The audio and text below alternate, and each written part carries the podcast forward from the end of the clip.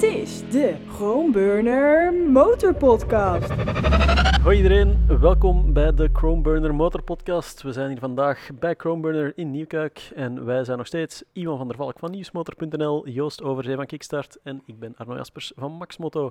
Vandaag gaan we weer over een aantal uh, ja, hete hangijzers in de motorwereld praten.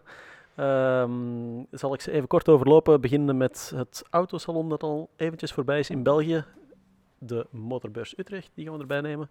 Um, de Dakar, die is afgelopen, maar daar valt ook nog wel wat over te zeggen. Je had nog iets te zeggen over de KNMV en dan uh, zijn er nog een aantal kleinere nieuwtjes die we gaan overlopen. Maar misschien even beginnen met het autosalon. Ja, dat is, uh, het salon. Het, ja, het, het salon het in België. Het salon is dan, dat is er niet hè? Het salon in België, het de salon, ja. in Nederland. Daar uh, stonden wel enkele motorfietsen. Maar het was niet het autosalon zoals we het kenden. Nochtans, het was de honderdste editie, jubileumeditie. Uh, Febiac, de organisator, de federatie van auto- en motorbouwers, die uh, hebben er wel echt hun best voor gedaan om terug een salon op poten te zetten na de coronatijd. Maar uh, ja, helaas zijn de, de motorfietsen daar niet meer in opgenomen. Dus je hebt dan enkele merken zoals Honda, BMW, die wel nog hun best deden om motorfietsen te presenteren op de stand. Naast de auto's. Naast de auto's, ja, in, ja, ik zal niet zeggen weggestopt in een hoekje, maar uiteraard niet te vergelijken met wat er vroeger was, de motorpaleizen. Nou, lekker jubileum dan. Dus ja, voor, voor de motorsector is dat wel een beetje... En waarom is dat? Ja, waarom zijn ze niet gekomen? Dat is dus... Ehm, een vraag die eigenlijk al veel langer teruggaat. Hè? Want zoals jullie weten, um, het autosalon dat is een verkoopsalon in België. Ja. Traditioneel januari is altijd een goede maand geweest voor zowel auto- als motorsector. Uh, het was een verkoopsalon, dus daar werden effectief uh, motoren ook aan de man gebracht. En het mooie voor de motorsector vooral was dat we daar echt konden uh, ja, meeliften op het succes van de auto's. Hè. Dus mensen ik zal niet zeggen dat het enkel en alleen voor motorrijders was. Uiteraard kwamen er heel veel motorrijders op één plek. Alle nieuwe modellen, al het nieuws samen nog eens beleven. Op de motorfietsen gaan zitten, alles van dichtbij bezien. Uh, meestal ook een praatje maken met dealers, met importeurs, met de mensen achter het merk. Uh, langs de andere kant was het ook wel zo dat er veel importeurs kloegen dat het zo'n investering was. Want salon betekende voor sommige merken effectief dat er dealers waren die een dealership moesten sluiten op bepaalde dagen. Het is heel lang, hè? Ja, inderdaad. Ja. Dus um, het ging meestal wel over een, ja, laten we zeggen, een 14 dagen. Wow. Toch wel dat, uh, ik ben na vier dagen motorbeurs, ben ik al helemaal kapot. Ja, ik heb ja. zelf ooit ook met een stand gestaan. Ja. kan je zeggen, uh, als standhouder sta je er een hele dag niks te doen. Je moet aanwezig zijn van ja, heel vroeg s ochtends tot heel laat s avonds. Er zijn dan zeker ook nog avondopeningen waar het salon tot, uh, tot tien uur open nocturnes is. Heet dat de nocturnes, inderdaad. Uh, dus het is een, uh, een ontzettend lange periode. Het is een enorme investering voor importeurs, voor ja. alle mensen achter en de personeel, wat denk je daarvan? Personeel, et cetera. Als je het kan vinden. Hotels. Dus komt, enorm, hotels, komt gewoon enorm eten, veel alles. bij Cocaïne, kijken. Maar, ja, dat vooral. Dat vooral. Ja. Maar, dat is in Antwerpen heel makkelijk riders, komen, toch? Ja, het zijn, oh, Brussel. Ja. Die riders van de motorjournalisten, dat was altijd het grote probleem. maar uh, nee, het is gewoon, het, het was uh, voor veel mensen te veel van het goede. Dus ja. merken zoals een BMW en een Honda. Maar wel heel veel bezoekers, altijd, toch? Ja. Honderdduizenden? Het ging over honderdduizenden bezoekers. Ik weet niet meer welke cijfers waar Febiac uh, mee schermde op de laatste editie. Maar inderdaad, um, dit jaar hebben ze dus uh, bij de opening spraken ze over 68.000 bezoekers. Volgens mij was dat in het openingsweekend. Um, Dinsdag 100.000 las ik. Z ja, zegt Febiac. Kijk, in ieder geval, het zijn enorm veel ja, bezoekers. Ja. Waar de um, standhouders op de motorsectie altijd al de vraag bij stelden van kijk, hoeveel van die bezoekers komen effectief langs in de motorpaleizen? Um, in hoeverre zijn die motorpaleizen een beetje de speeltuin van uh, de mensen die een auto komen bouwen en daarna nog even de kinderen loslaten om... Uh, uh, ja, op een nieuwe R1 te kruipen, weet ik veel, voor een fotootje. Dus je kan er heel veel vraagtekens bij stellen, maar het blijft wel zo dat er merken waren, althans, zoals een BMW, zoals een Honda, zoals een Yamaha, toen het nog Yamaha België was, die er echt op prat gingen van, kijk, in januari realiseren wij gewoon een heel hoog percentage van onze jaarverkoop. Dat heeft uiteraard te maken met die kortingen, maar zij zeiden effectief, het salon zit daar voor een groot stuk tussen. Ja. Nu, ja, andere importeurs waren daar niet zo tevreden mee. Lang verhaal kort, de jubileumeditie van nu, na de coronajaren, is er eentje zonder de motorfietsen, omdat er gewoon volgens mij niet meer genoeg enthousiasme was bij de importeurs om opnieuw stands te gaan zitten, om opnieuw die ja. investering te doen. En ik vermoed dat Febiac op dat vlak misschien zelf ook wel een beetje, uh, ja, hoe moet je dat zeggen, naar hun eigen werk mag kijken. Omdat, ja, zoals we in het verleden het autosalon hadden, waren er soms periodes dat er kleinere salons binnen het salon waren. Zo had je bijvoorbeeld een weekend of twee weekends, wanneer er ook een supercar salon was, waar mensen dan ja, voor 2 euro extra of voor 5 euro extra kregen ze nog een ticketje waarmee ze een volgende paleis binnen konden, waar ze uh, Ferraris, Lamborghinis, etc. In, in de paleizen konden zien. Kleinere importeurs, andere, ja, gewoon andere setup van het merk, andere marketingstrategieën. Geen stand van een 100.000 euro? Dat, maar, uh, maar op die manier hadden ze toch ook hun toonmoment aan het grote publiek. Ik ben er 100% van overtuigd dat voor de motoren ook zoiets te regelen moet zijn. Dat er ook mhm. een paleis voor motoren kan opgebouwd worden voor een kortere periode bijvoorbeeld. Um, maar dat is er nu niet gekomen. Ik denk misschien dat daar gewoon een beetje vrevel was tussen Fabiac en de importeurs. Het fijne weet ik er niet van. zijn toch de importeurs? Ja. ja. Dat vind ik in Nederland ook wel zo raar. Je hebt de RAI en je hebt de importeurs. Nee. Maar de RAI, dat zijn, de importeurs. ja. Ja, die organisatie, dat zit allemaal wel net iets ingewikkelder uh, in elkaar. Dus je hebt Febiac en dan de mensen van Febiac zelf, die effectief het salon organiseren. En daarnaast heb je dan nog um, de ja, woordvoerders, zal ik zeggen, van de merken zelf, die wel aan hetzelfde eind moeten trekken om tot het resultaat te komen, dat salon. En daarbij moeten de importeurs uiteraard voor hun stand, voor de vierkante meters, nog een stuk betalen aan Febiac. En ja, zelf ook de investering doen om het personeel daar te zetten, om de motoren daar te krijgen, om de stand te bouwen. Ehm, het is gewoon een heel grote organisatie. Er zijn heel veel factoren die meespelen, maar als puntje bij paaltje komt, moet iedereen wel aan hetzelfde zeil trekken. En in Nederland is dat hetzelfde natuurlijk. Je hebt natuurlijk bij de, jaar, de, de jaarbeursorganisatie natuurlijk. Ja, Motorbeurs Utrecht, maar dat wordt georganiseerd door een, door een andere partij. Ja. Dus uh, vroeger had je de motorrij uh, einde van het jaar voor de nieuwe modellen. Nou, dat mhm. is al heel, heel lang geleden. Uh, die waren dan in november, december, waar de, ook de EICMA en de mm Intermod en dat soort kwamen ze twee weken na. En dan had je uh, wat later dan het nu is, had je Motorbus Utrecht. Alleen mhm. toen stopte de motorrijden mee. Toen is Motorbus Utrecht om ze tegemoet te komen naar vroeger gegaan. Dus eind februari nu al. Alleen nu is er in Nederland ook wel weer een beetje geëikel. Want uh, wat jij net uh, aanstipt, dat geldt in Nederland hetzelfde. De, de marketeers van de motormerken die zeggen... ja, aan de ene kant komen er tussen de 80 en 100.000 mensen langs. Aan de mhm. andere kant moet ik enorm betalen voor van alles en nog wat. Uh, een, een, kwart van mijn marketingbudget gaat er al uit in Utrecht. Het is geen verkoopbeurs, zoals jullie uh, zo ja, wel is. Precies. Het enige voordeel is wel dat... Um, ik weet dat veel Belgische importeurs klagen. Die zeggen, ja, wij moeten in januari al korting gaan geven op nieuwe modellen. dat is eigenlijk niet de bedoeling. Je geeft korting op modellen die je in uh, augustus over hebt. Maar mhm. nee. Um, en, en dat vinden ze ook van Motorbus Utrecht een beetje, maar daar wordt eigenlijk niet verkocht. Maar daar gaat wel uh, enorm veel budget in zitten. Zo'n stand bouwen kost tussen de 50 en een ton. Uh, even ja, makkelijk. Personeel erbij en alles. Personeel erbij. En dan moet je ook je personeel moet overnachten in een hotel. Die moeten reizen, die moeten broodjes eten. Het is gewoon een heel kostelijke grap om ja. Ja, een onzeker resultaat uh, Maar voor die vier dagen ben je gewoon anderhalf ton, twee ton kwijt. Uh, ja, ja, ja, nou Utrecht gaat dan gelukkig wel door. Um, daar ben ik, ik dacht net te zeggen, ik vind het wel alle gekheid op een stokje. Ik vind het vooral heel jammer, heel jammer dat dat autosalon voor de motorfietsen er niet meer is. En ik denk dat er gewoon momenteel ook heel veel onzekerheid is over de toekomst van het autosalon, zoals het nu is voor de autobouwers uh, in het algemeen. Want um, ja, de salons, als je ook naar andere grote salons gaat kijken, het wordt altijd maar kleiner, minder. Uh, vorig jaar de Intermod, dat was ook al eigenlijk een, uh, ja, een flop zal ik het niet noemen, maar het was wel veel minder dan pre-corona. Uh, op de EICMA werd er dan nog, ja, was er nog wel enthousiasme. Het grote nieuws dat bleef een beetje uit. Maar uh, het was toch ook wel echt minder dan de vorige jaren. Nu bij de EICMA twijfel ik er geen seconde aan dat ja, er nog steeds een EICMA zal zijn. De grootste mondiale beurs, dat gaat blijven georganiseerd worden. Bij het autosalon ja, toch verbaas ik durf ik wel, uh, wel vraagtekens dan, zetten. Zegt. Verbaast me wel. Bezoekersaantallen uit het verleden. En de huidige bezoekersaantallen die aangehaald werden, daar spraken ze over het eerste weekend. Waar ik sowieso het voordeel van de twijfel wil geven dat er heel veel mensen uit nieuwsgierigheid toch nog een kijkje gaan nemen. Mm langs de andere kant durf ik ook wel vraagtekens stellen bij de, de accuraatheid van die cijfers. Want ja, wij van WC Eend hebben altijd heel veel bezoekers. altijd um, bij, ja. Dat, ik vind het gewoon jammer dat er geen motorfietsen meer zijn. dus ik hoop van harte, als er volgend jaar nog een autosalon doorgaat, dat uh, ja, de merken en Fabiac zelf, dat die toch even terug de handen in elkaar steken om, al is het maar voor één weekend, iets op poten te zetten dat, uh, ja, dat motorrijders terug weten waar naartoe in januari. Ja, en voor Nederlanders was het ook altijd een Maar heeft het, ook, heeft het ook te maken dat er heel veel, bedoel, want ik vind het ook uh, bij een beurs, je moet minstens één nationale beurs hebben, of het nou inderdaad het salon in Brussel is of de, of de motorbeurs. Mhm. Heeft het ook te maken met het feit dat werkelijk elk weekend is er wel een of andere ride-out. Of er is wel een opstapdag van merken. Of er is wel weet ik veel wat voor een dag.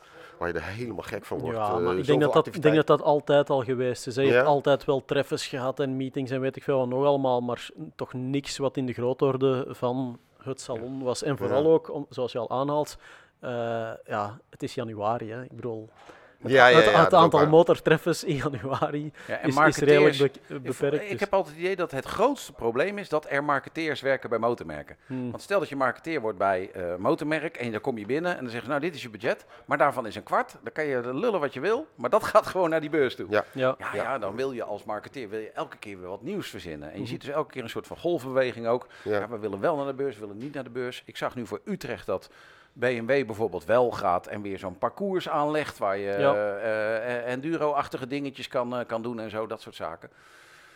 Maar dat is denk ik ook wel iets wat dwars zit. Dat al die marketeers, die zitten wel in de VBIAC, maar die moeten ook die beurs organiseren. En die hebben een Excel-sheet waarin hun budget staat. En die denken, ah kak, moet ik weer een ton, die, zal, die zal weg. Ja. Dus dan ga ik liever Tegelijk... volgend jaar stickers drukken. Of, ja, ik denk inderdaad, iedereen moet gewoon even water in de wijn doen. En zien dat we toch tot, ja, tot een gezamenlijk eh, ja, volgens mij opnieuw tot een beurs komen. Want op het moment dat het echt gaat wegvallen, ja, dan zit Fabiac echt wel met een probleem. Ja. Want, maar dat is, want in het salon is voor hun de grootste bron van inkomsten. vooral, ja, als motorrijders bekijken dat dan nog anders. Hè. Jullie hebben de motorbeurs en dat draait effectief enkel en alleen rond motorfietsen. Bij ons, zoals ik al zei, is het meeliften op het succes van de auto. Maar ja, dat succes van de auto ja. Ik denk niet dat ik daar nog een tekeningetje moet bij maken. Hè. Dat dat momenteel gewoon allemaal heel onzeker, heel moeilijk is. Mensen weten niet wat te kopen. Mensen stellen aankopen uit. Exact dat. Ik had het met Reno kwam in de auto hierheen. Reno heeft een fantastisch nieuwe auto trouwens, maar dat heel te uh, ik, ik ben aan het kijken voor een auto. Ik weet gewoon niet wat ik moet kopen. Maar het is wel een hele uh, elektrische uh, stroom. Ja. Als motorrijder is iedereen op zoek naar het betaalbare, betaalbare elektrische busje. Waar je toch nog even 500 kilometer actie Maar er komt, nog, er komt nog even iets bij qua beurzen. Is dat gewoon met een beurs waar, het, waar het publiek naartoe gaat. Van nou, daar staan de motoren en zoek het maar uit.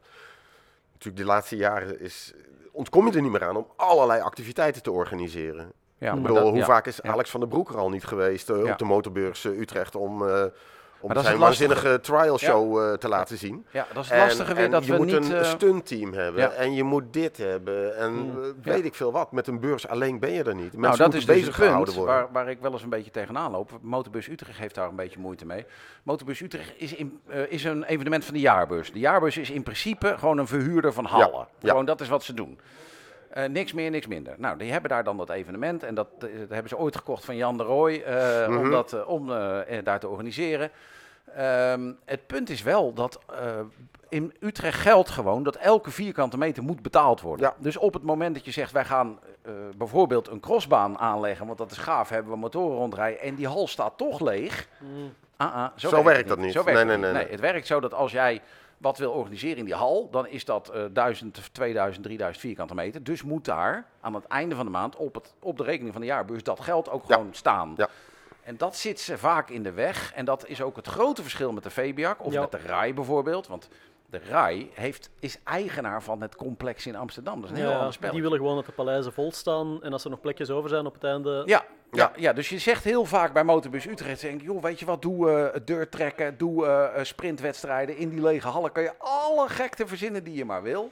Maar elke keer loop je tegen dat verhaal aan. Wie betaalt het? Um, en ja, nou ja, daar zijn wel uitwassen van dat ik ze nu anders denk, ja, uh, jammer. Want... Ja. Daar heb ik nog wel wat over trouwens. Ja? Nou, tenminste, want het gerucht gaat, sterker nog, het is al geloof ik zo'n beetje bevestigd is dat bij de komende motorbeurs, dat uh, wil je je motor dus uh, overdekt in een van die hallen neerzetten, parkeren dus voor de dag. Dan betaal je daar voortaan zeggen en schrijven 5 euro voor. Dat is niet meer gratis, maar dan betaal je dus... Ja, de, ja, de Belg naast mij die begint al keihard te lachen. Nederlanders. Ja, ja. gelijk, ja. gelijk heb je. Ja. Nee, er wordt inderdaad wordt even ergens een verdienmodel is uit uh, de kast getrokken van wil je je motorfiets dus binnen parkeren Ja. Betaal je 5 euro voor. Ja. Nou ja, het, ik, ik denk dat ik wel een beetje weet hoe dat komt. Want in het verleden was het zo. Dan werd er binnen geparkeerd als noodgreep. Dan werd er op de dag van tevoren gezegd: joh, het wordt pleurisweer, het gaat sneeuwen. Oké. ja. We doen de deur open, Ja. die hal is. Ja. Hè, dus, en dan konden ze bovenin de toren van Jaarbus zeggen: ja, er was even een noodgreepje, weet ik veel. Ja. Maar nu je van tevoren het aankondigt. Ehm, en ik weet dat eh, het jaarbusterrein is kleiner geworden. Dus die hebben een aantal parkeerterreinen hebben ze eh, ja, volgens mij gewoon verkocht. Voor, Mhm. eh, want de woningbouw is momenteel eh, goud. Dus eh, langzaam maar zeker wordt dat terrein steeds kleiner. En dan verkopen ze gewoon een. Ja, Een ja, dan moet die parkeerplaats of- opbrengen. ja. Of de gemeente Utrecht is eigenaar of zo. Dat zit allemaal een beetje schimmig in elkaar. Ehm, dus nu van tevoren is er ingetekend. We gaan parkeren in hal uh, nummer, dinges, 12, 9, eh, 14, weet Ja. ik veel. Nou, zegt de directie, dat is leuk, maar eh, dan moeten we aan het eind van de maand wel even vangen.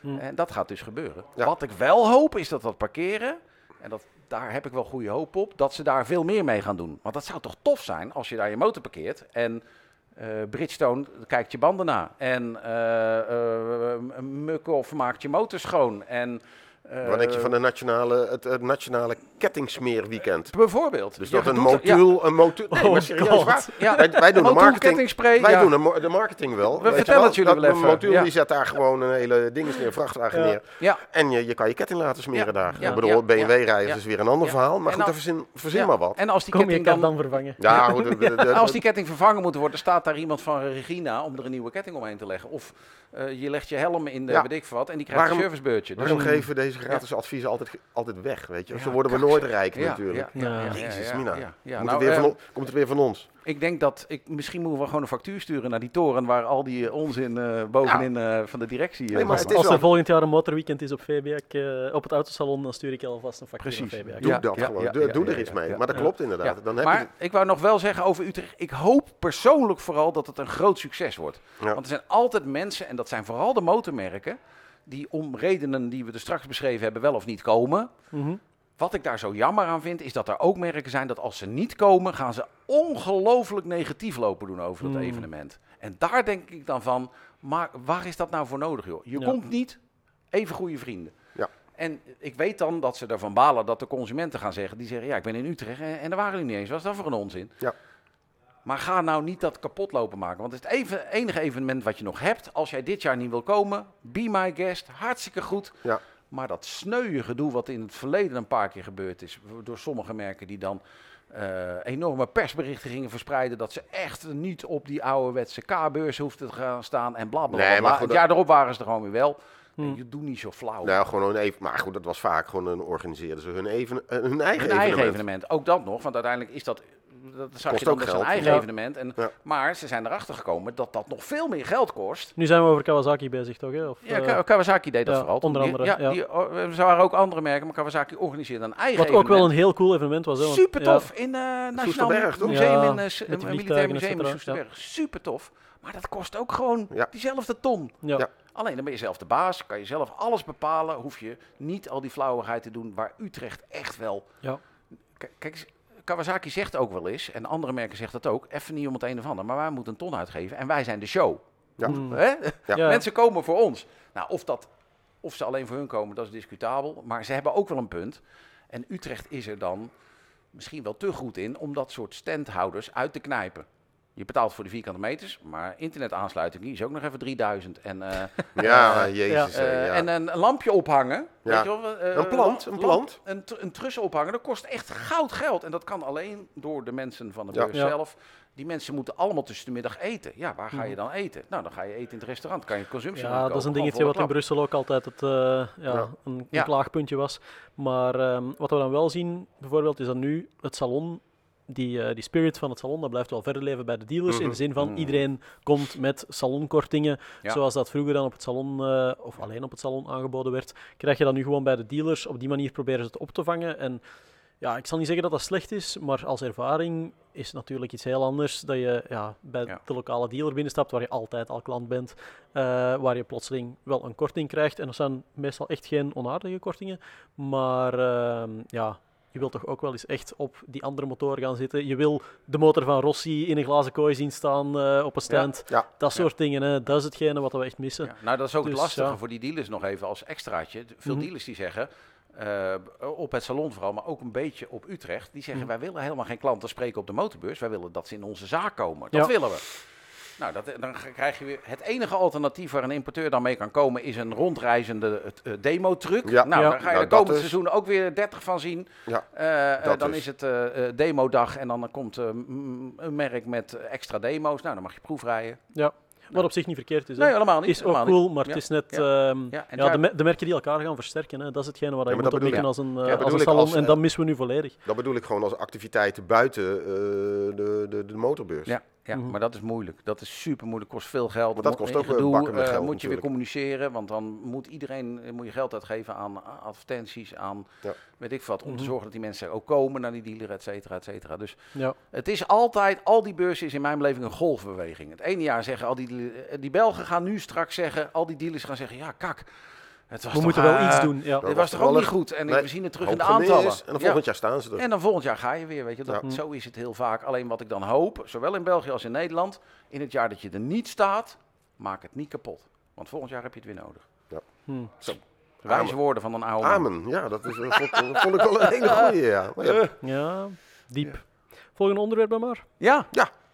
Um, ja, zoals gezegd, wanneer dit uitgezonden wordt, is het al eventjes geleden. Maar er is nog een Dakar verreden. Er is een Dakar verreden. En we zitten hier bij Groenburner. En, um, ja, die sponsort niemand, hè? Ik zit hier naast de motor van uh, Wayne Tessels. Het ijskonijn. Um, het ijs, de Ice Rabbit. Ja. Uh, maar Groenburner sponsort ook Mirjam Pol. -hmm. En uh, Mirjam Pol is echt gewoon een, ik weet niet of je dat mag zeggen, maar is echt gewoon een bikkel van een vrouw. Oké. Echt gewoon een top Mag je zeggen, denk ik, ja. En uh, die heeft gewoon hem weer niet alleen uitgereden, maar is ook gewoon wel weer de beste vrouw. Ja.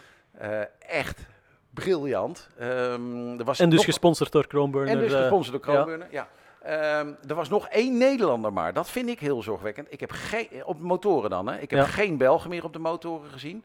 Uh, vorig jaar deed de vader van Joël Roelands volgens mij nog mee. Ja, wakker. Nou, en uh, dus dit jaar hadden we maar twee... 62ste geloof ik. Die ja. heeft vorig, jaar, vorig ja. jaar wel niet uitgereden, het jaar daarvoor wel. Ja.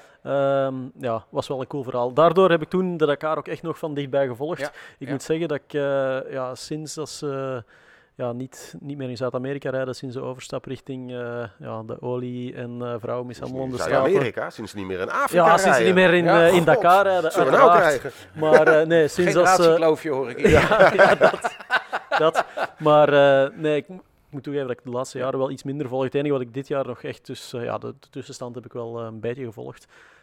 en dan ook dat er een etappe was die uh, te zwaar was voor de motorrijders. Dat vond ik eigenlijk ook wel... Door de regen? Ja, redelijk, redelijk grappig. Van, ja. Uh, je maakt die Dakar toch net omdat het de ultieme uitdaging is. Dus dat vond ik zo'n beetje... Ja, maar sowieso vind ik dat een lastig deel van de hele Dakar. Uh, je ziet ook enorme verschuivingen. Want in het verleden was de Dakar die in, onder de Eiffeltoren vertrok... was mm -hmm. Europeanen die gingen... Afrika. Als, als in ja, Afrika zo hard mogelijk racen. En dan kwamen ze in Dakar aan, dan was het feest.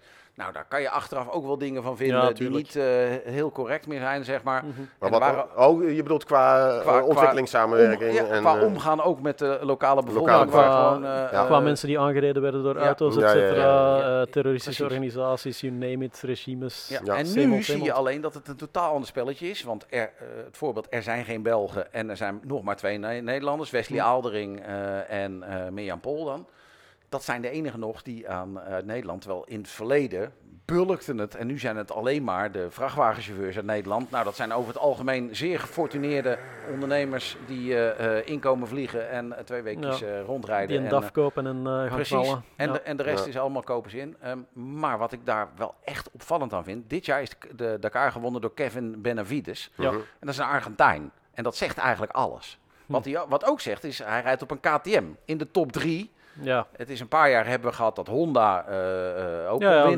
Weer, weer we hebben gezien dat Yamaha het geprobeerd heeft, maar uiteindelijk het niet gehaald heeft. En een BMW'tje gedaan heeft door te zeggen, nou dan stoppen we maar. Um, en, en nu is dus gewoon weer KTM en dan heet het wel een Husqvarna of een gas-gas. Ja, je hebt een witte KTM, een rode KTM en een oranje KTM. Klopt. En die hebben gewoon iedereen weer op een bult gereden. Dus de top 3 in de uitslag is gewoon uh, KTM, KTM, KTM, KTM, KTM, Husqvarna, KTM dan zeg maar. Ja. Um, dus uiteindelijk is het spel totaal veranderd. Je ziet dat uh, de nieuwe markten dat die het belangrijkste zijn geworden. Ik denk dat ze het liefst zouden hebben dat volgend jaar uh, iemand uit India wint of iemand uit uh, ja. China. Dat, dat meen ik serieus.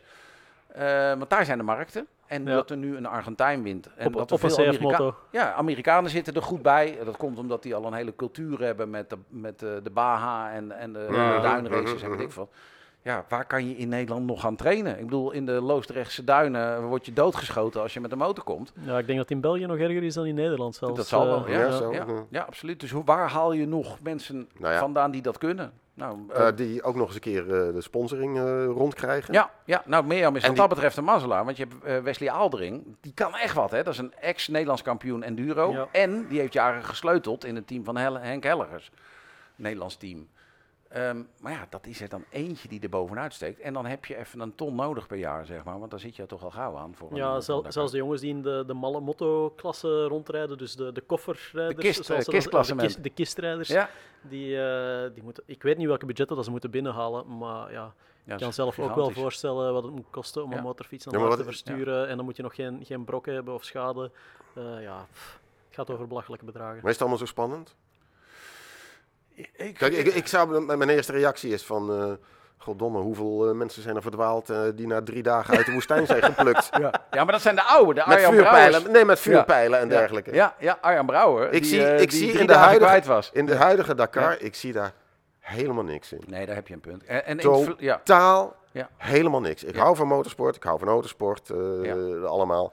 Maar als ik alleen al zie dat de, de winnaar die heeft uh, gewonnen met 44 seconden voorsprong. 43 seconden na 4700 kilometer. Ja, maar het is, weet je, dat, dat neigt een beetje naar, naar waar we met de sport naartoe gaan. Dat ook de, de, moto, de Moto Grand Prix wordt uh, beslist. de, de, de top 10 zit binnen vier tiende van een seconde.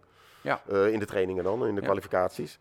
Weet je, ik, ik zie daar helemaal niks meer aan, of in. Waar is...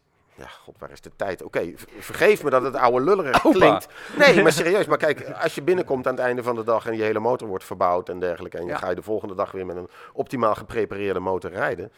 Ik zie er, ik zie er geen heroïek meer in. Nee. Nou ja, het Totaal geen heroïek. in het verleden is natuurlijk, nu heb je bijvoorbeeld dat er s'morgens routes uitgereikt worden. En dat er uh, ook twee verschillende routes uitgereikt werden. Dat, dat is eigenlijk allemaal een beetje met de sisser afgelopen. Maar uiteindelijk bleek het zo dat uh, in uh, Zuid-Afrika, of in Zuid-Amerika en ook in um, Saudi-Arabië, sowieso de gang naar Saudi-Arabië is natuurlijk al vijf jaar achter elkaar heel twijfelachtig. Ondanks dat het echt wel klopt qua terrein. Maar er zijn dus mensen betrapt op het feit dat ze de routerol s'avonds krijgen.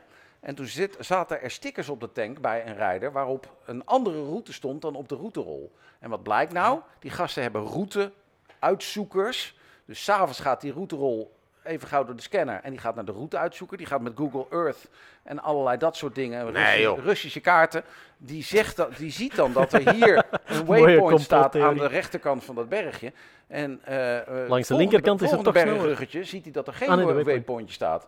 Dus dan kan je er net zo goed links omheen en dat is veel sneller dan. Dus wat gebeurde er? Die vent heeft op zijn tank dan een alternatief stukje route staan. En dat komt omdat zij een fabrieksteam zijn met uh, eh, 20 man en thuis nog vijf man achter de computer die dat soort shit zitten uit te zoeken. En dat is heel wat anders dan Arjan Brouwer die gewoon drie dagen kwijt was in de woestijn en die met vuurpijlen en weet ik wat, toch weer, hé, hey, daar is hij weer. Dat, uh, dat is de heroïek. Die heroïek is er lang niet meer. Ik moet zeggen, een van de mooiste verhalen die ik ooit over de Dakar gehoord heb, en dit is nu ja, name-dropping tot en met, maar ik heb ooit geluk gehad om met uh, Stefan Petroncel aan tafel te zitten bij een ergens. En, Ducati, gok ik. Nee, dat oh. was uh, Mini. Oh, die had laatst Mini was het uh, trouwens, oh. omdat hij ook met de auto's daar uh, wat te maken had. Passende auto. Maar dus Stefan Petroncel, zevenvoudig winnaar, zowel bij de motoren als bij de auto's, die vertelde toen echt het verhaal, wat jij ook aanhaalt, van kijk, de GPS heeft gewoon alles kapot gemaakt. Mhm. Vanaf het moment dat GPS-technologie beschikbaar werd, werd, is het een race geworden. Daarvoor was het een avontuur. En het mooiste vond ik dan ook, hij beschreef zijn eerste deelname aan Dakar. Uh, waar hij dan, um, ik geloof twee nachten, dat hij echt onder zijn motor geslapen heeft in de woestijn. Om toch nog ja, iets van, van warmte te hebben, want het wordt dan natuurlijk ijskoud s'nachts. Uh, dat hij ja, ook mentaal gewoon er helemaal. Ja, door, hij, hij, was echt gek aan het worden. Hij beschreef dat hij zelf gek aan het worden exact was. Dat. En uh, dat ze hem dan toch gevonden hebben met de helikopter, et cetera, et cetera. Dus, uh, Zo is ja, Thierry Sabine ook begonnen. De manier Thierry, Sabine, ja, Thierry Sabine die is het ook op een gegeven moment is hij kwijtgeraakt of uh, ja. wordt het verdwaald in de woestijn. En die heeft toen geloof ik drie dagen rond één en dezelfde heuvel gelopen. Gewoon met zijn kop, met zijn kop helemaal, helemaal, totaal, helemaal, helemaal de weg kwijt en dergelijke. En, en nu zou hij gewoon 5G hebben en kunnen bellen. Snap je? Dat, Maar dat ik vind mis wel, ik wel heel erg. En ik had zelf ook vroeger, want ik was in, moet ik even denken, ik was in denk ik een jaar of 18 of zo, ging met een vriendje van mij van school pakten we op uh, oudjaarsdag pakten we de trein naar Parijs. En stonden we in de zeik in de regen er op die Place de la Concorde. Ja. Ons te vergapen van, van die mannen die gaan helemaal door fucking Afrika heen. Uh, door, door woestijnen en dergelijke op een mm. omgebouwde XT. Met een uh, kamelenzadel erop en, en een hoop mm. reservoirs aan water en benzine en een zootje, een zootje vuurpijlen. Ja. Wat een heroïek zo. Kijk, het is natuurlijk ook zo dat door alle GPS'en en dergelijke en het Lonely Planet effect is natuurlijk de hele wereld al ontgonnen. Ja, ik bedoel, je, vindt, je vindt zelden nog maar een plek van waar niemand geweest is. En als daar niemand geweest is, staat de volgende keer staat er in de Lonely Planet gids van, nou, dat is een... Ja, en dan is het je jaar rete druk dan. En er is daar uh, rete druk. En dus het is, de hele wereld is al door GPS ontgonnen. Maar wat ik zie, en dat is misschien een beetje negatief bekeken, maar in een sowieso al dubieus land als Saoedi-Arabië, ja, jezus, is het gewoon wel een beetje eh, spelen in een zandbak. En ja, dat, dat ik, ik, uh, ik, uh, zeg maar ik ben één keer bij de Dakar geweest. Geef ongelijk, hè? Maar, ja, ik ben één keer bij de Dakar geweest, dat was in 2008. toen ging die niet door, mhm. dus ik stond al braaf klaar in Lissabon. het was niet mijn schuld, vond ik. Uh, toen ging die niet door door de terroristische dreiging die er was. Uiteindelijk is dat het breekpunt geworden. Want toen, daarna is het een jaar niet geweest. Toen is het verhuisd naar Zuid-Amerika. Toen is het uh, uiteindelijk, als je erover nadenkt, dat de Dakar, de naam geregistreerd is. Dakar.com. Ja, exact dat. In, en daar dat nu rijke mensen in Saudi-Arabië in de zandbak ermee aan het spelen zijn. Ik vind wel, als ik er naar kijk, ik vind het altijd toch weer gaaf. Ik heb de omschakeling gemaakt van avontuur naar race. Ik vind wel cool dat het op 43 seconden naar 4700 kilometer is. Hmm. En vooral als ik dan jongens op hun achterwiel full pull door die woestijn zie knallen, omdat de helikopter ernaast hangt. Nou, echt waar, dan zit ik met zo'n grijns op mijn bek. Dan vind ik dat toch wel Ja, het is ongelooflijk cool, maar ik kan wel zeggen, dat heb ik dan bij een Erzberg Rodeo bijvoorbeeld ook veel meer. Ja, ja, ja. ja, ja, Omdat daar de, nou, heb ik het de, ook. de technische uitdaging van het rijden, om het, om het zo te noemen, de risico's die ze nemen, daar nog stukken groter zijn. Nou, dat weet ik dan, niet, want dat vergis je niet hoor. Want dat gaat op die motoren qua, qua snelheid, in de Qua snelheid in de woestijn, dat is verschrikkelijk. Maar puur qua ja, enduro kunnen, zal ik het dan maar noemen, de, de skills echt van de mhm. rijders. Maar Quinten daar vind ik, ik, vind ik uh, twee of twee jaar geleden er zijn beelden van dat hij echt full pool aankomt ja, ja. op de laatste dag. Oef, ja. Ik meen dat Quintanilla was, maar dat weet ik niet zeker. Ja, die en, en, die duikt toch in een gat, jongen. Niet te zuinig. Dus uiteindelijk vind ik dat dat deel...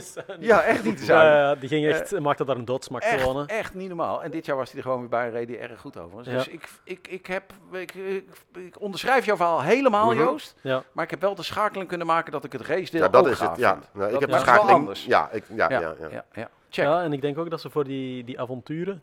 Ehm, want er zijn gewoon nog mensen die, die richting Dakar rijden ook, hè, die niet de grote organisatie meepakken, die daarom het uh, gevaar van een terroristische dreiging in Mauritanië, de officiële reden dat het nog altijd niet georganiseerd wordt, die dat naast zich neerleggen en zeggen van kijk, we rijden toch naar Dakar, vaak ook met oudere motoren. Ik weet, Sand Traders is, is er eentje, een organisatie die gelijkaardige evenementen organiseert. Er zijn er ook die gewoon in Zuid-Spanje Vind je dat dan wel leuk? Want dat vind ik juist dat vind ik nog beetje... wel, Dat vind ik nog wel cool om te zien. Het enige wat daar dan het probleem bij is, is dat ja, op een bepaald moment heb je wel die grote mediateams nodig om het een beetje deftig in beeld te kunnen brengen. Heb je die ondersteuning nodig om zoveel teams uit te nodigen, een bivouac op te zetten, et cetera. Ja, het is uh, het verhaal van Kijk, kip en ei, denk ik altijd. Hè. Het is de reden waardoor het groot wordt, is ook de reden waar het ten onder gaat. Hè. En ja, exact. bij de Dakar, ja. zoals het nu georganiseerd wordt in Saudi-Arabië, um, ja, of dit zo, zo houdbaar is, dat weet ik ook niet. Het is een coole race, maar ergens hoop ik ook wel dat er nog uh, dingen zijn die teruggaan naar de roots uh, van ja, het avontuur in Afrika. Ja. Ik zit ook niet te wachten, begrijp me goed, ik zit ook niet te wachten om paar weken ontvoerd te worden door uh, de firma Al-Shabaab of zo. Zou voor ons wel lekker rustig zijn, zeg maar. Ja, ja even geen deadlines, dat dan weer niet. Ja. Misschien moeten we het daarbij ook uh, ja. afronden. Dit is de pauze. Maar uh, Mirjam Pol, ja, ja, tiende keer gewoon dat ze... Dat ze Waar was Laia? Laia die, die zat in een auto, meen ik, maar die is uitgevallen. Oh. Ehm, Laia Sands. Ja. Ehm, dus dus ik weet niet 100% zeker, maar ik weet wel dat hij de overstap naar auto's ook gemaakt heeft. Want, en dat, doet, dat doen veel mensen. Je wordt wat ouder uh, als je met de auto's. Dan uh, doet het opeens heel erg echt zeer en dan bre breek je wat en dan ben je niet meer zo snel heel. Ik zal er eens even over bellen dan. Uh, ja. ja, ja. Groetjes okay. aan Laia. Bij Groenburner vind je alles op het gebied van motorgear. We hebben het grootste aanbod motorkleding van de Benelux tegen de scherpste prijzen. Met meer dan 100 merken is er altijd wel eentje die past. Dus kom snel langs of bestel via onze webshop. Je vindt ons langs de A59 bij Nieuwkuik of natuurlijk via groenburner.nl. Groenburner Motorgear. Fun starts here.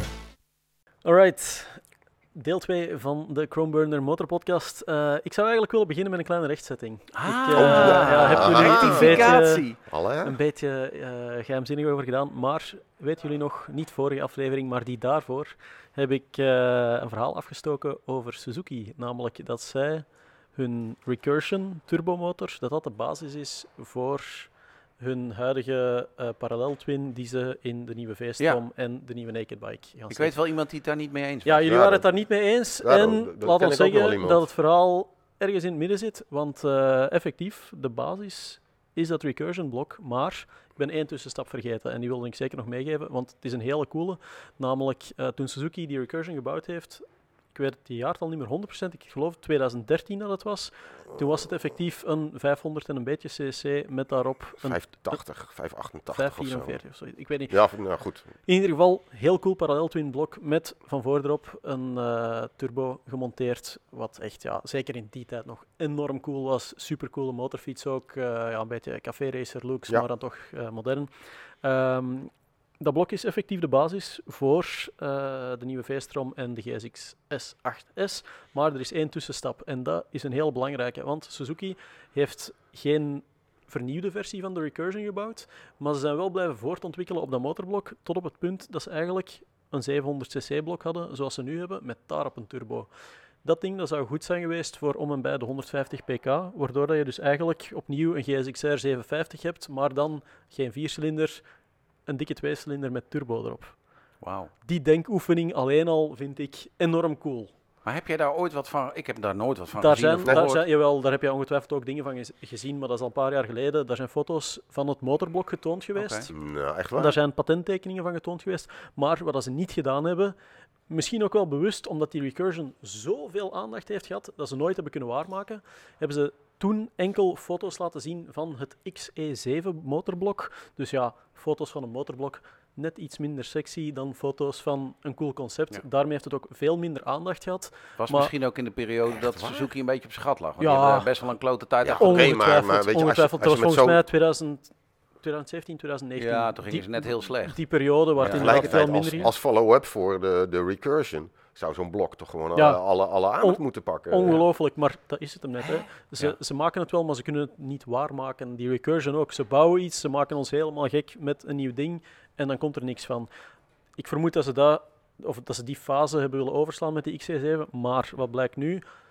Een XE7 motorblok, waar je de turbo vanaf haalt, waar je de voorbuizen van de uitlaat een beetje aanpast, dat is exact hetgene wat we binnenkort gaan Ah, krijgen in de GSX. GS is...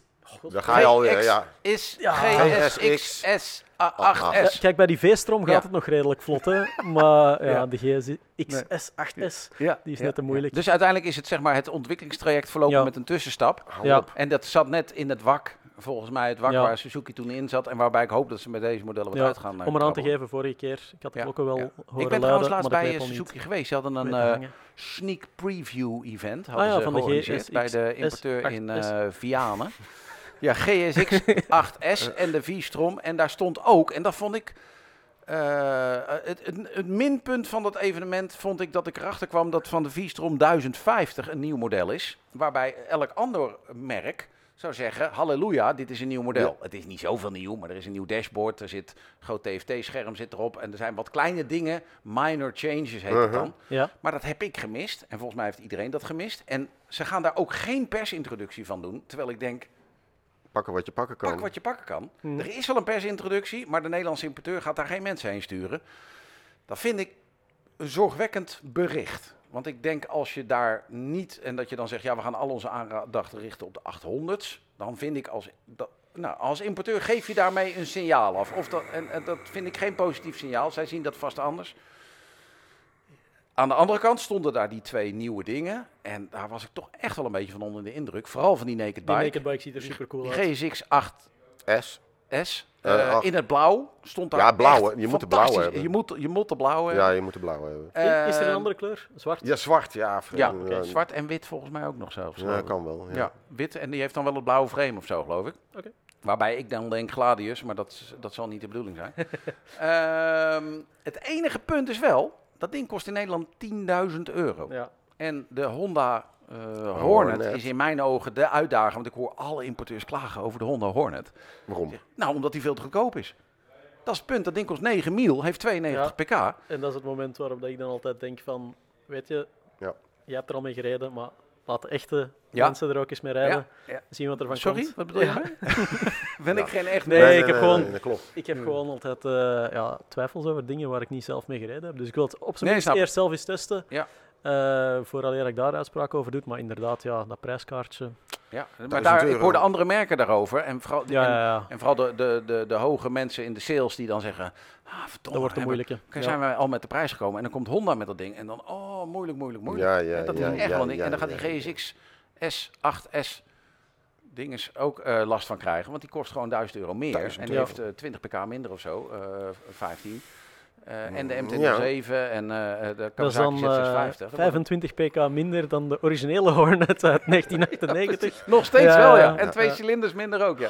Oh, ja dus, maar ik vond dat, uh, nou die 800, daar zie ik het wel voorlopig goed van komen. Ik hoop ook echt dat dat een knaller wordt, want Suzuki kan dat echt gebruiken. Ja. Ik, nou, voor iedereen, er is ook een nieuwe 1050 Vistrom. Uh, daar ga je weinig maar van horen. Dat is dan voor alle duidelijkheid, dat is niet uh, de World Adventure uitvoering, want die was er voorheen toch ook al? Nee, dat nee, is, ook nee daar hebben ze ook wat mee doorgeschoven, want ze hadden eerst de XT en dat werd dan de, standaard. Ja, en de standaard uh, en dan de offroad heet nu de DE, geloof ik. Oké. Okay. Maar daar weet, daar Met inderdaad zo'n TFT-scherm zit erop. Ja, en, klopt, en klopt inderdaad, de verschillen... tractiecontrole zit er ook op. Ja, ja, ja, ja. Best, best, een cool ding, ja, weet je wel. En dan snap ik niet dat de importeur zegt, we gaan... Uh, ja, ja, terwijl het hen ook je, zoveel kan kosten. Hè? Ja, kost geld. Ja, dat kost, geld, natuurlijk. en, en die, dat geld moet allemaal in die 800's gaan zitten. Ja, nou dat. Ja, dat wel, maar ik wil zeggen... Jammer. Laat ons een kat en kat noemen. Die, uh, de 1050, dat motorblok, ja, dat is het TL1000S motorblok. Wat ja, geüpdate is sinds, uh, sinds Joost nog een kleine jongen was. Ja. Nee, maar het gaat gewoon al een hele tijd mee. Het kan niet zijn dat die motor, dat daar zoveel ontwikkelingskosten zijn gaan inzitten. Nee, het is gewoon een heel leuk ding wat ze gebouwd Zeker. hebben, maar ja. met een groot stuk onderdelen of vooral ontwikkelingskosten die al gemaakt ja. waren. Dus op dat gebied moet dat niks terugverdienen. Hè? Dus doe er dan iets meer mee. Ja. Is misschien de gedachte ook van, die verkoopt toch wel. Misschien, dat zou goed kunnen. Dat zou goed. Maar... Hmm. Ik, vond dat, daar, ik schrok er een beetje. A, ja. schrok ik ervan dat het ja. mij een beetje ontgaan was in het geweld rondom ja. de Eikma van joh, die 1050.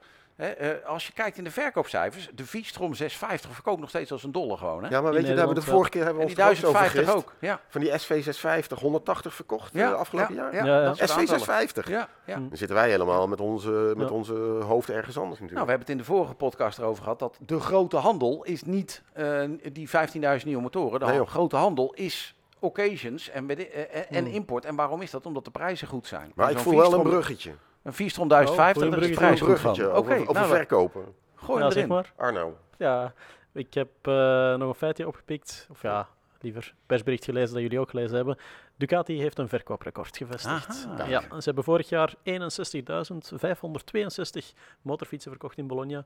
Um, dat zijn er meer dan het jaar voordien. Vraag me niet hoeveel het er toen waren, maar dat zijn Hoeveel gewoon, waren het er vorig jaar? Ja, het zijn gewoon een hele hoop motorfietsen voor een, uh, ja, voor een relatief klein merk. Maar verkocht, ja. geproduceerd, wat is het? Dat is altijd ja, zo'n link. link ligt bij wel dicht bij elkaar, heb ik het idee. Hoor. Maar Volgens mij gaat het effectief over motorfietsen die verkocht zijn, die bij de dealer staan. Zeker als je gaat zien naar uh, ja, de jaren waar we uitkomen met leveringsproblemen. Het is niet dat de Ducati dealerships allemaal zo propvol stonden met, uh, met stokmodellen. Nee.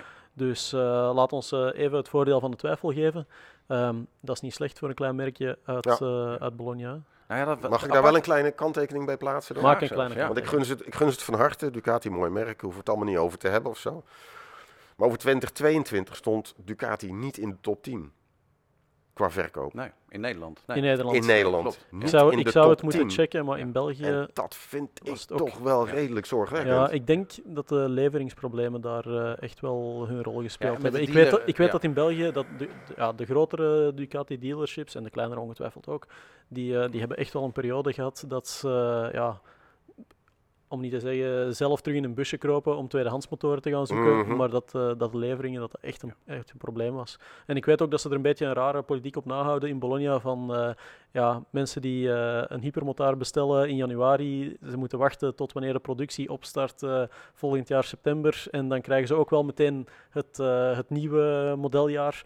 Maar dat die productie daar niet zoals bij de Japanse merken loopt, waar je ja, gewoon het hele jaar door met gelijkaardige levertermijnen. Er zit ook wel een ander dingetje bij. Hè? We, jij noemt dat uh, een kat een kat noemen. Um, hmm. in, het is ook wel zo dat in uh, Nederland hebben ze problemen gehad met een dealer. Ze hebben heel lang geen dealer gehad in Rotterdam. Die hebben ze sinds kort Juist, nu uh, hebben ze een nieuw dealership geopend. Ja.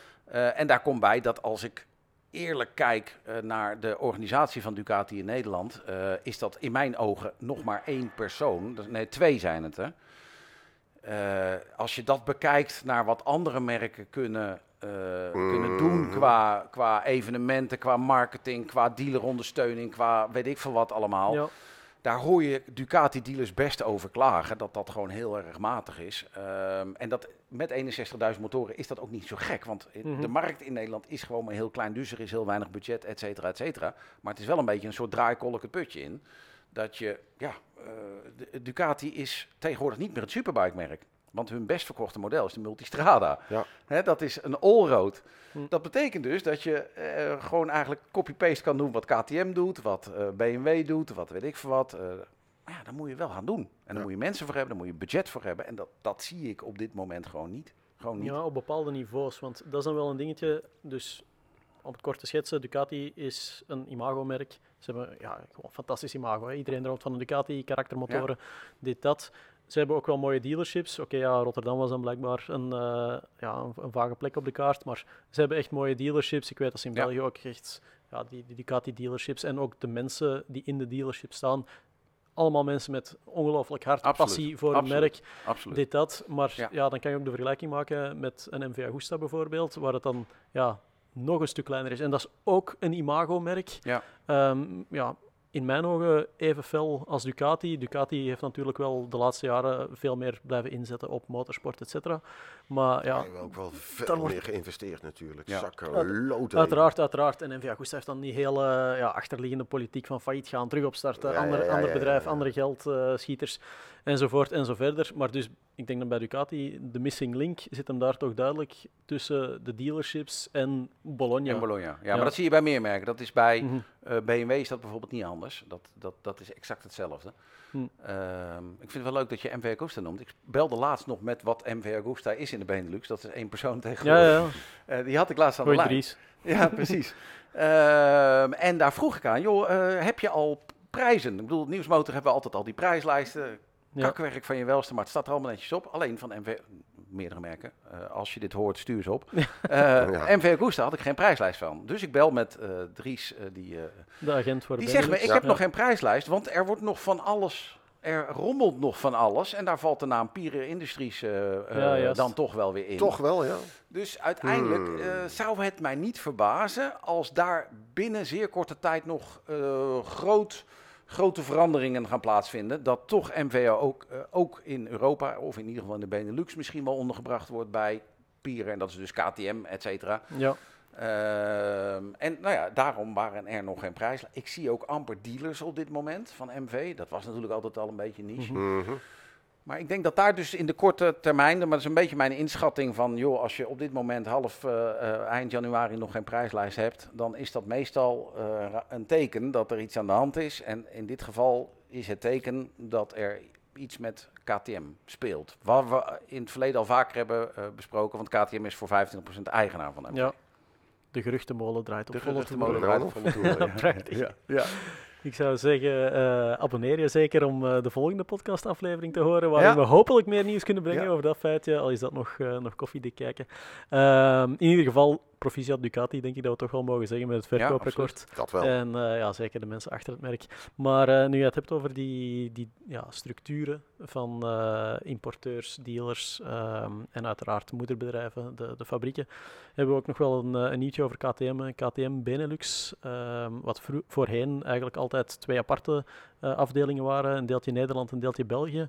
Die, ja, daar is ook een persbericht van binnengekomen dat ze voortaan ja, samen, samensmelten tot één afdeling die dan vanuit België geleid zal worden. België? als ik me niet vergis. Dus maar, Malde, ehm, oh ja, Malde, nou, blijft, Malde, blijft open. Ik heb ja. gebeld. Ehm, kijk, dit, eigenlijk speelt het al langer, want in het verleden is het zo geweest dat toen een, een directeur wegging Ehm, dat er de Belgische leider ook de leiding kreeg over Nederland. Dat heeft toen een tijdje zo gesudderd, maar dat werkte niet zo goed.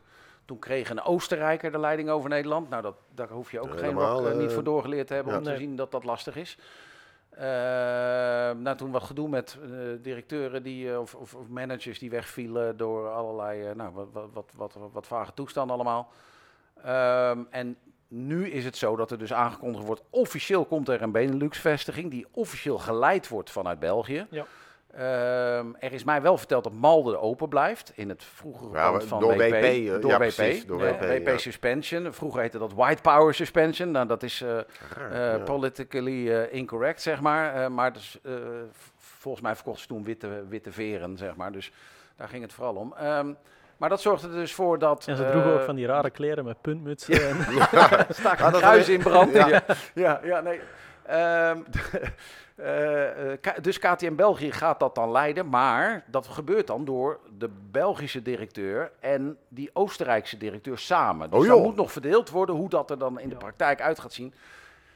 Um, ja, uh, over het algemeen is onze ervaring, in ieder geval mijn ervaring, laat ik voor mezelf spreken, dat op het moment dat je in Nederland woont, werkt, koopt, uh, iets doet met een motormerk en het gaat geleid worden vanuit België, werkt dat voor geen meter. Mm -hmm. Aan de andere kant is het andersom hetzelfde ja, voor de Ik dacht net te zeggen, dat is helemaal vice versa. Ja. We hebben de laatste jaren wel, uh, wel meer van die verschuivingen gezien. En ik zal niet zeggen dat dat in het honderd loopt. Hè.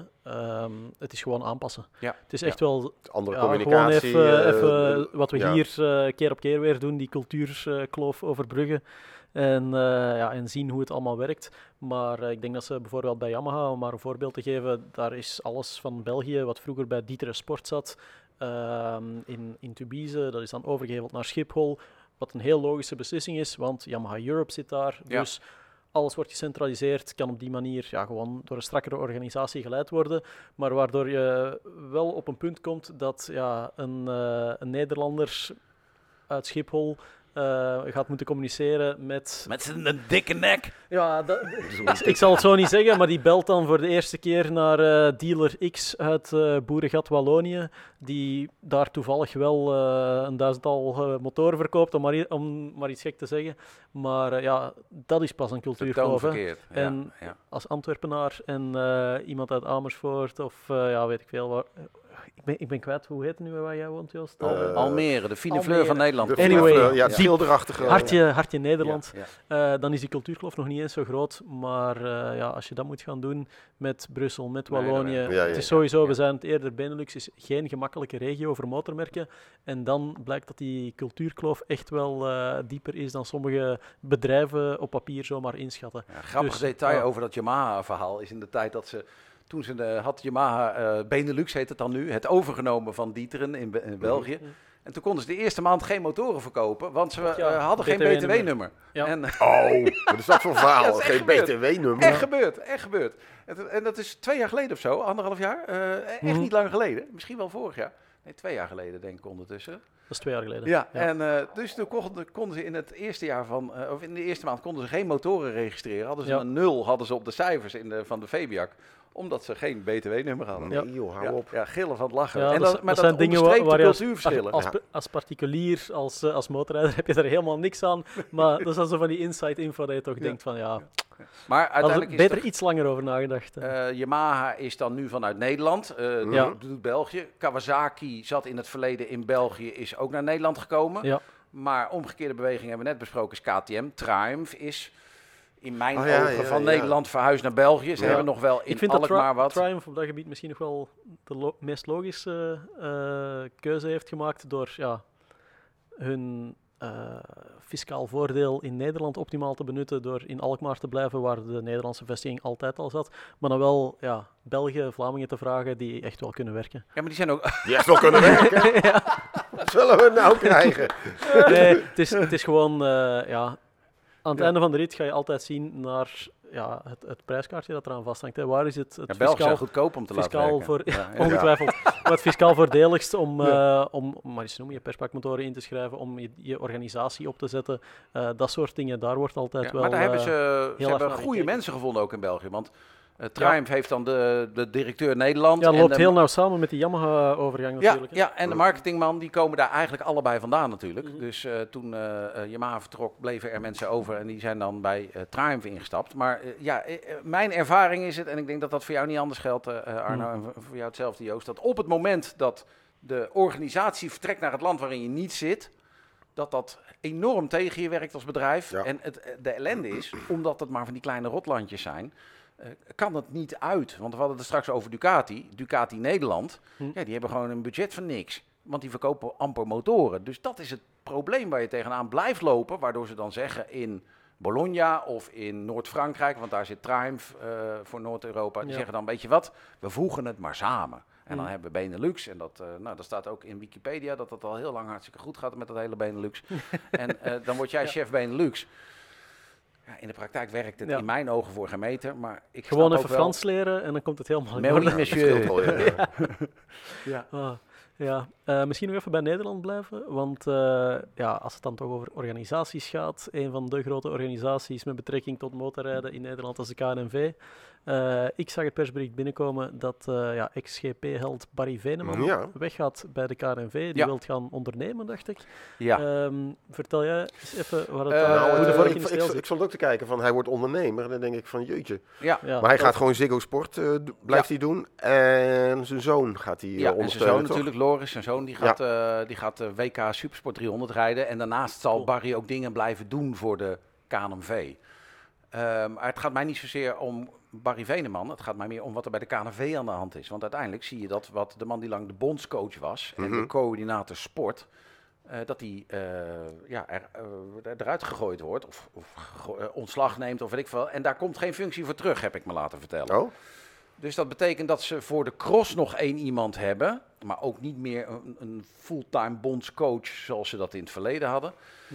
Um, in het verleden hadden ze um, uh, voor de cross en voor de wegrace bondscoaches. Nou, ja. daar kan je van alles van vinden, maar in ieder geval dat, om aan te geven, daar zaten twee uh, volle functies zaten daar. Daar is hm. nu één iemand die dat volgens mij niet fulltime doet. Um, en dat brengt me op iets anders. Er is een nieuwe directeur uh, bij de KNV. Die gaat 1 februari beginnen. Mhm. Mm -hmm.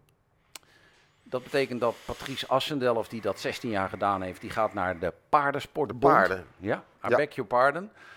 Um, en dat, dat, ja, precies. Ja. Horses? Ja, nou, afijn. Uh, la, ja, dat, haal, ja, ja. het verhaal met je horses. Um, uh, uh, dus um, wat er daar aan de hand is, ik ben daar even ingedoken. Dat er, er wordt gewoon zwaar bezuinigd bij de KNV. En dat is niet zo gek. Want ze hadden uh, twee jaar, drie jaar geleden nog 55.000 leden en twee jaar geleden 45.000. Huh? Dus dat zijn serieus hard teruglopende aantallen. In een ja, jaar de corona heeft er ook even in Ja, gehakt. Corona ja, heeft ja. erin gehakt. Alles heeft erin gehakt. Uh, en dat betekent dus, ze zijn verhuisd, ook van uh, uh, Slot Slot, Zijpendaal. Slot Zijpendaal, Ja. zeg maar, waar de ophaalbrug naar beneden ging en dat je soms op bezoek mocht. Nu zitten ze op Papendal, het eh, grote sportcentrum. Ehm, dus er is van alles aan het veranderen bij de KNMV. Mhm. En eh, straks dus met een nieuwe directeur. Ehm, ik hoop dat ik hem in februari mag spreken, want nu werkt hij nog voor de Philips. Nou, daar verwacht ik wel eh, dingen van.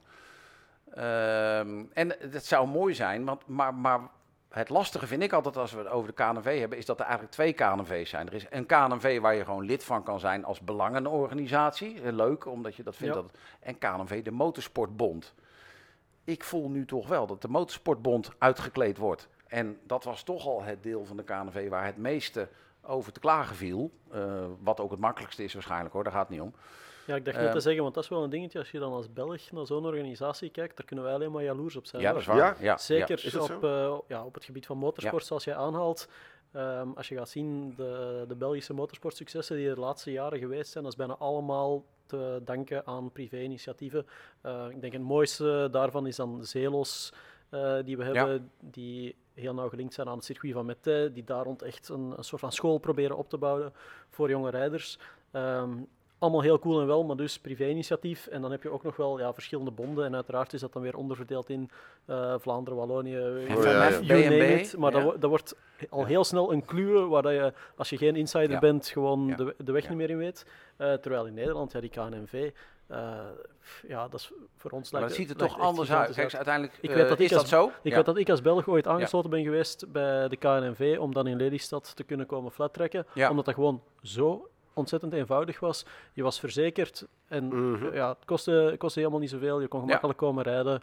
Dus uiteraard pak je dan zo'n lidmaatschap erbij. Ja. Relatief gezien heb je daar ook zeker gelijk. En aan de andere kant is het in België niet onaardig bedoeld, maar het niveau van die motorsportbond is ook echt wel heel erg laag als je kijkt naar alle andere landen eromheen. Uh, punt is wel dat vooral als je naar de wegrace kijkt, dat dat in uh, Nederland ja, eigenlijk niet meer bestaand is binnen de KNMV. En dat is gewoon echt wel zonde. Andere hm. sporten gaat het beter. Motocross hebben ze het aardig op de rit. Um, maar ook in andere takken van sport hoor je veel gemor rondom een, een bond. Maar dat is in elke sport. Ik bedoel, uh, in de judo, in de hockey. Iedereen, elke sporter is geen vriend van de bond. Totdat ze in de nationale selectie zitten en dan uh, alles betaald krijgen. Um, maar de wegrace is het grootste slachtoffer van de afgelopen nou, 16, 15 jaar. Waarin eigenlijk heel veel misgegaan is tussen de organisaties en, uh, en, en de Motorsportbond. En dan nu dat dan Veneman weggaat, ja, dat vind ik wel een hele zorgwekkende gewoon. Dat ik denk, ja, maar dan komt dat ook nooit meer terug. En, en uh, ja, als dan ook nog er 10.000 leden afgegaan zijn, ja, dan begin ik me gewoon echt zorgen te maken over de toekomst van motorsport in Nederland. Dus ik hoop echt dat die nieuwe directeur het verhaal strak op de rit krijgt straks. En, uh, en misschien ook eens een charme-offensief uh, richting motorsporters en in de wegrace. Ja, misschien kan hij zijn eerste persbericht al eens uh, verklaren waarom er in godsnaam 10.000 man weg is. Dan moet toch een verklaring voor terug te vinden zijn. Ja. Want in coronatijd zou je, op zoek gaan je kan zeggen coronatijd, maar ja, weet je, die mensen die zijn tot in den doet uh, blijven ze lid van de KNVB. Veel wel, ja. Maar misschien dat het, uh, kijk, ze uiteindelijk, ik heb me ooit laten vertellen dat van die 55.000 toen er 19.000 sportlicenties zouden waren. Dan moet ik uh, even met een grote korrel zout, mm ik weet dat niet zeker, maar dat is het, mm. het, het, het, getal wat bij mij is blijven hangen. Mm. Um, het aparte van de KNV is eigenlijk altijd dat een beetje schizofreen. Aan de ene kant, de, zeg op dat moment uh, 30.000 uh, leden, 35.000 leden die vrijwillig lid zijn en daar blij mee zijn. En die uh, tochtjes gaan rijden of evenementen doen of het blaadje krijgen of weet ik wat. Die altijd heel positief waren. En die 20.000 licentiehouders, die over het algemeen veel minder positief waren. Ja. Um, ja. Met als als zwaartepunt de wegracekant, waarin ja, het eigenlijk een soort van uh, uh, nou, ja, kluwen van ellende bleef en nog steeds.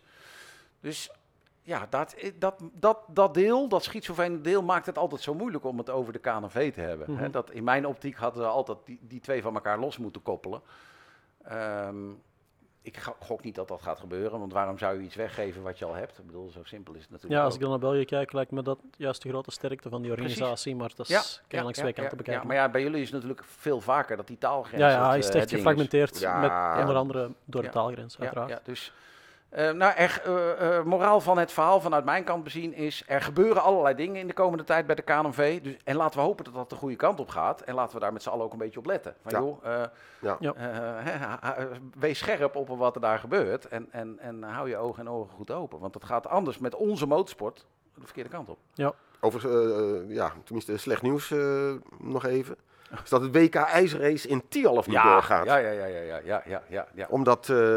Ik, ik, ik, wil er nog heel even aan toevoegen dat ik ooit Barry Veneman voorbij gestoken ben op zolder. In Tialf waarschijnlijk. niet, niet in Tialf. Jij kan niet in Tialf. Ja, ja, ja. Ik kan wel schaatsen. Nee, ik heb Barry Veneman. Uh, wat, dat is trouwens een ongelooflijk sympathieke kerel. Ja. Uh, ik had hem nog nooit ontmoet, dus ik kom de grote Barry Veneman tegen in, uh, in Zolder. Blijkt dat het gewoon een mens is zoals iedereen. En ja, we vertrekken daar. Het was een BMW-evenement, een nieuwe S1000RR, om te gaan testen. En zo blijft als Barry is, blijft hij ook netjes achter de voorrijder op zolder, waar we dan één rondje gewoon ja, kennismaking, terwijl Barry ja, ik denk, ik gok dat hij het circuit wel een beetje kent daar. Mm. Uh, anyways, vanaf het moment dat de voorrijder teken deed, gok ik dat hij het niet gezien had dat we mochten voorbij steken. Dus dan ja, heb ik van geprofiteerd. Ik zeg van, het is nu of nooit. De GoPro, de GoPro ja, liep. Ja, ik, wow, eraan voorbij. Een bocht gewoon veel te scherp ingestoken, dus ook veel te traag uitgekomen. Ja, daarna heb ik hem niet meer gezien. Nee. Maar net even. ik wil het toch nog even meegeven aan de mensen dat, uh, ja. ik spreek dat je je, dro je dromen niet mag opgeven. Bij Zikko, en dan vraagt hij vaak naar die kleine Belg. Ja, ja, ja, die kleine Belg. die kleine kutbelg. Ja, ik heb hem niet Die kleine Belg die met uh, Shinky Knecht nog uh, ja, die zo goed kan schaatsen in Tialf. Ja, ja. ja, maar dat ijsracen is wel... Ja, ijsracen, inderdaad. Maar dat ijsracen is natuurlijk ontzettend jammer. Ja, ja nou, dus energiekosten. Energiekosten. Het grappige is, ik ben sinds kort lid van de motorclub Assen geworden. Dat kan je als niet-Assenaar met wat... Als je daar echt heel erg je best voor doet, kan je geen lid worden overigens, maar donateur. Je moet uit de omgeving van Assen komen. Maar ik ben... Okay. En daarin in het clubblaadje wat ik toen gestuurd kreeg, bleek dat het TT-circuit en de KNV allebei 5000 euro wilden bijleggen uh, voor de organisatie van het evenement. Want MC Assen, Motorclub Assen is uh, via een ja. weerwaar aan stichting en dan wel weer de organisator van, uh, van die Speedway. Okay. Super gaaf evenement, ja, echt waar. Um, maar helaas heeft ook dat niet mogen baten, die, uh, die 10 mil extra. Dus ja, energie, wow. uh, ja, je snapt het wel. Maar het ijs, dat ligt er nu of ligt er niet? Of? Ja, dat weet ik niet exact. Zij reden altijd op de laatste dagen van het ijs in mijn ja. beleving. Dus ik weet niet mm, wat ja. daar nu dan aan veranderd is. Maar ik vermoed dat dat gewoon allemaal... Ja, ik gok dat het ook gewoon te maken heeft met uh, dat voor de ijsracen... dat ze echt wel serieus moeten stoken om die extra lage ijs erop te leggen voor. Ja, ja, ja, ja, de kwaliteit Maar ja, ik dacht 10 mil extra, dan moet het lukken. Maar uiteindelijk zijn dit soort evenementen altijd best moeilijk om uit de kosten te komen. En ze zeiden al dat ze in de mm -hmm. afgelopen jaren ook al een aardige scheur in de broek hadden opgelopen door uh, corona.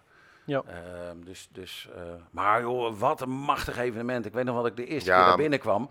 Nou, dan, dan slaat de lucht van, van ja. kastrol, hè? E ja. ethanol uh, slaat ja. je dan om de oren. En iedereen is in het zwart gekleed en spreekt Duits uh, van alle fans. Je denkt ook steeds, hoe laat begint het vechten hier? Maar dat is, is helemaal er gewoon. Fries of uh, ja, zo, nou, zo, zo wel ik weet het niet. Er komen ook gewoon ongelooflijk veel Duitsers okay. op af. Uh, maar echt rauw, jongen. Geweldig. Ja, ja, ja. En Jasper Iwema, die deed er dan ook nog mee in de afgelopen jaren. Die hoefden we dit jaar niet te verwachten, want die doet mee aan een of andere reality uh, show. Uh, okay. heeft hij zichzelf een jaar laten wow. opsluiten in een of andere loods. en is die elke dag op tv. Ja, ja. ja zeg, en qua, qua Nederlandse piloten, zijn er nog jongens die er echt bovenuit steken? Of is het echt enkel Russen het die, uh, die het nou, ja, En de Russen komen ook niet, hè? Dat is natuurlijk ook, de Russen mogen niet meer meedoen. Nee, ah, dat is het. Dus dat maakt het ook extra lastig. Ja. We hebben die jongens van Schaap natuurlijk uit uh, Callans Oog. Ja. Want jij hebt met zo'n ding gereden, hè? Ja. Heb jij ook, heb jij ook met zo'n ding gereden? Nee, joh, nee. nee, dat durf ik ook niet. Ja, ja die jongens van, uh, maar heb je ook echt met zo'n ding gereden of heb je er, erop gezeten en, en een Ik heb rondjes gemaakt, gedaan. Of, uh, ja, oké. Okay.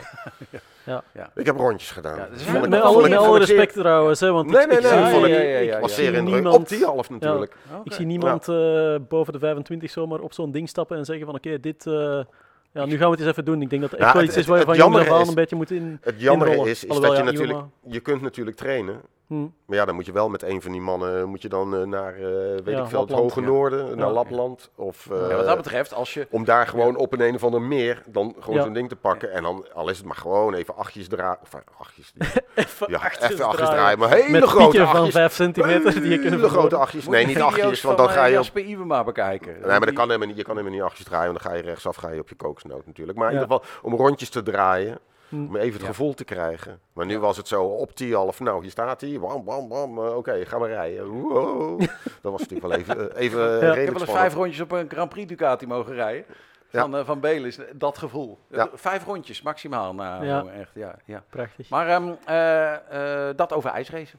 Alright. Ja. Ik Ja. eh, denk dat we daarmee aan het einde van deze aflevering gekomen zijn. Wij waren Iwan van der Valk, Joost Overzee en Arno Jaspers. Bedankt om te luisteren naar de Chromeburner Motor Podcast. Vergeet ook niet van je te abonneren.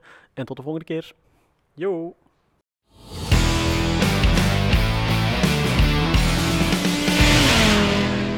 Dit was de Groenburner Motor Podcast.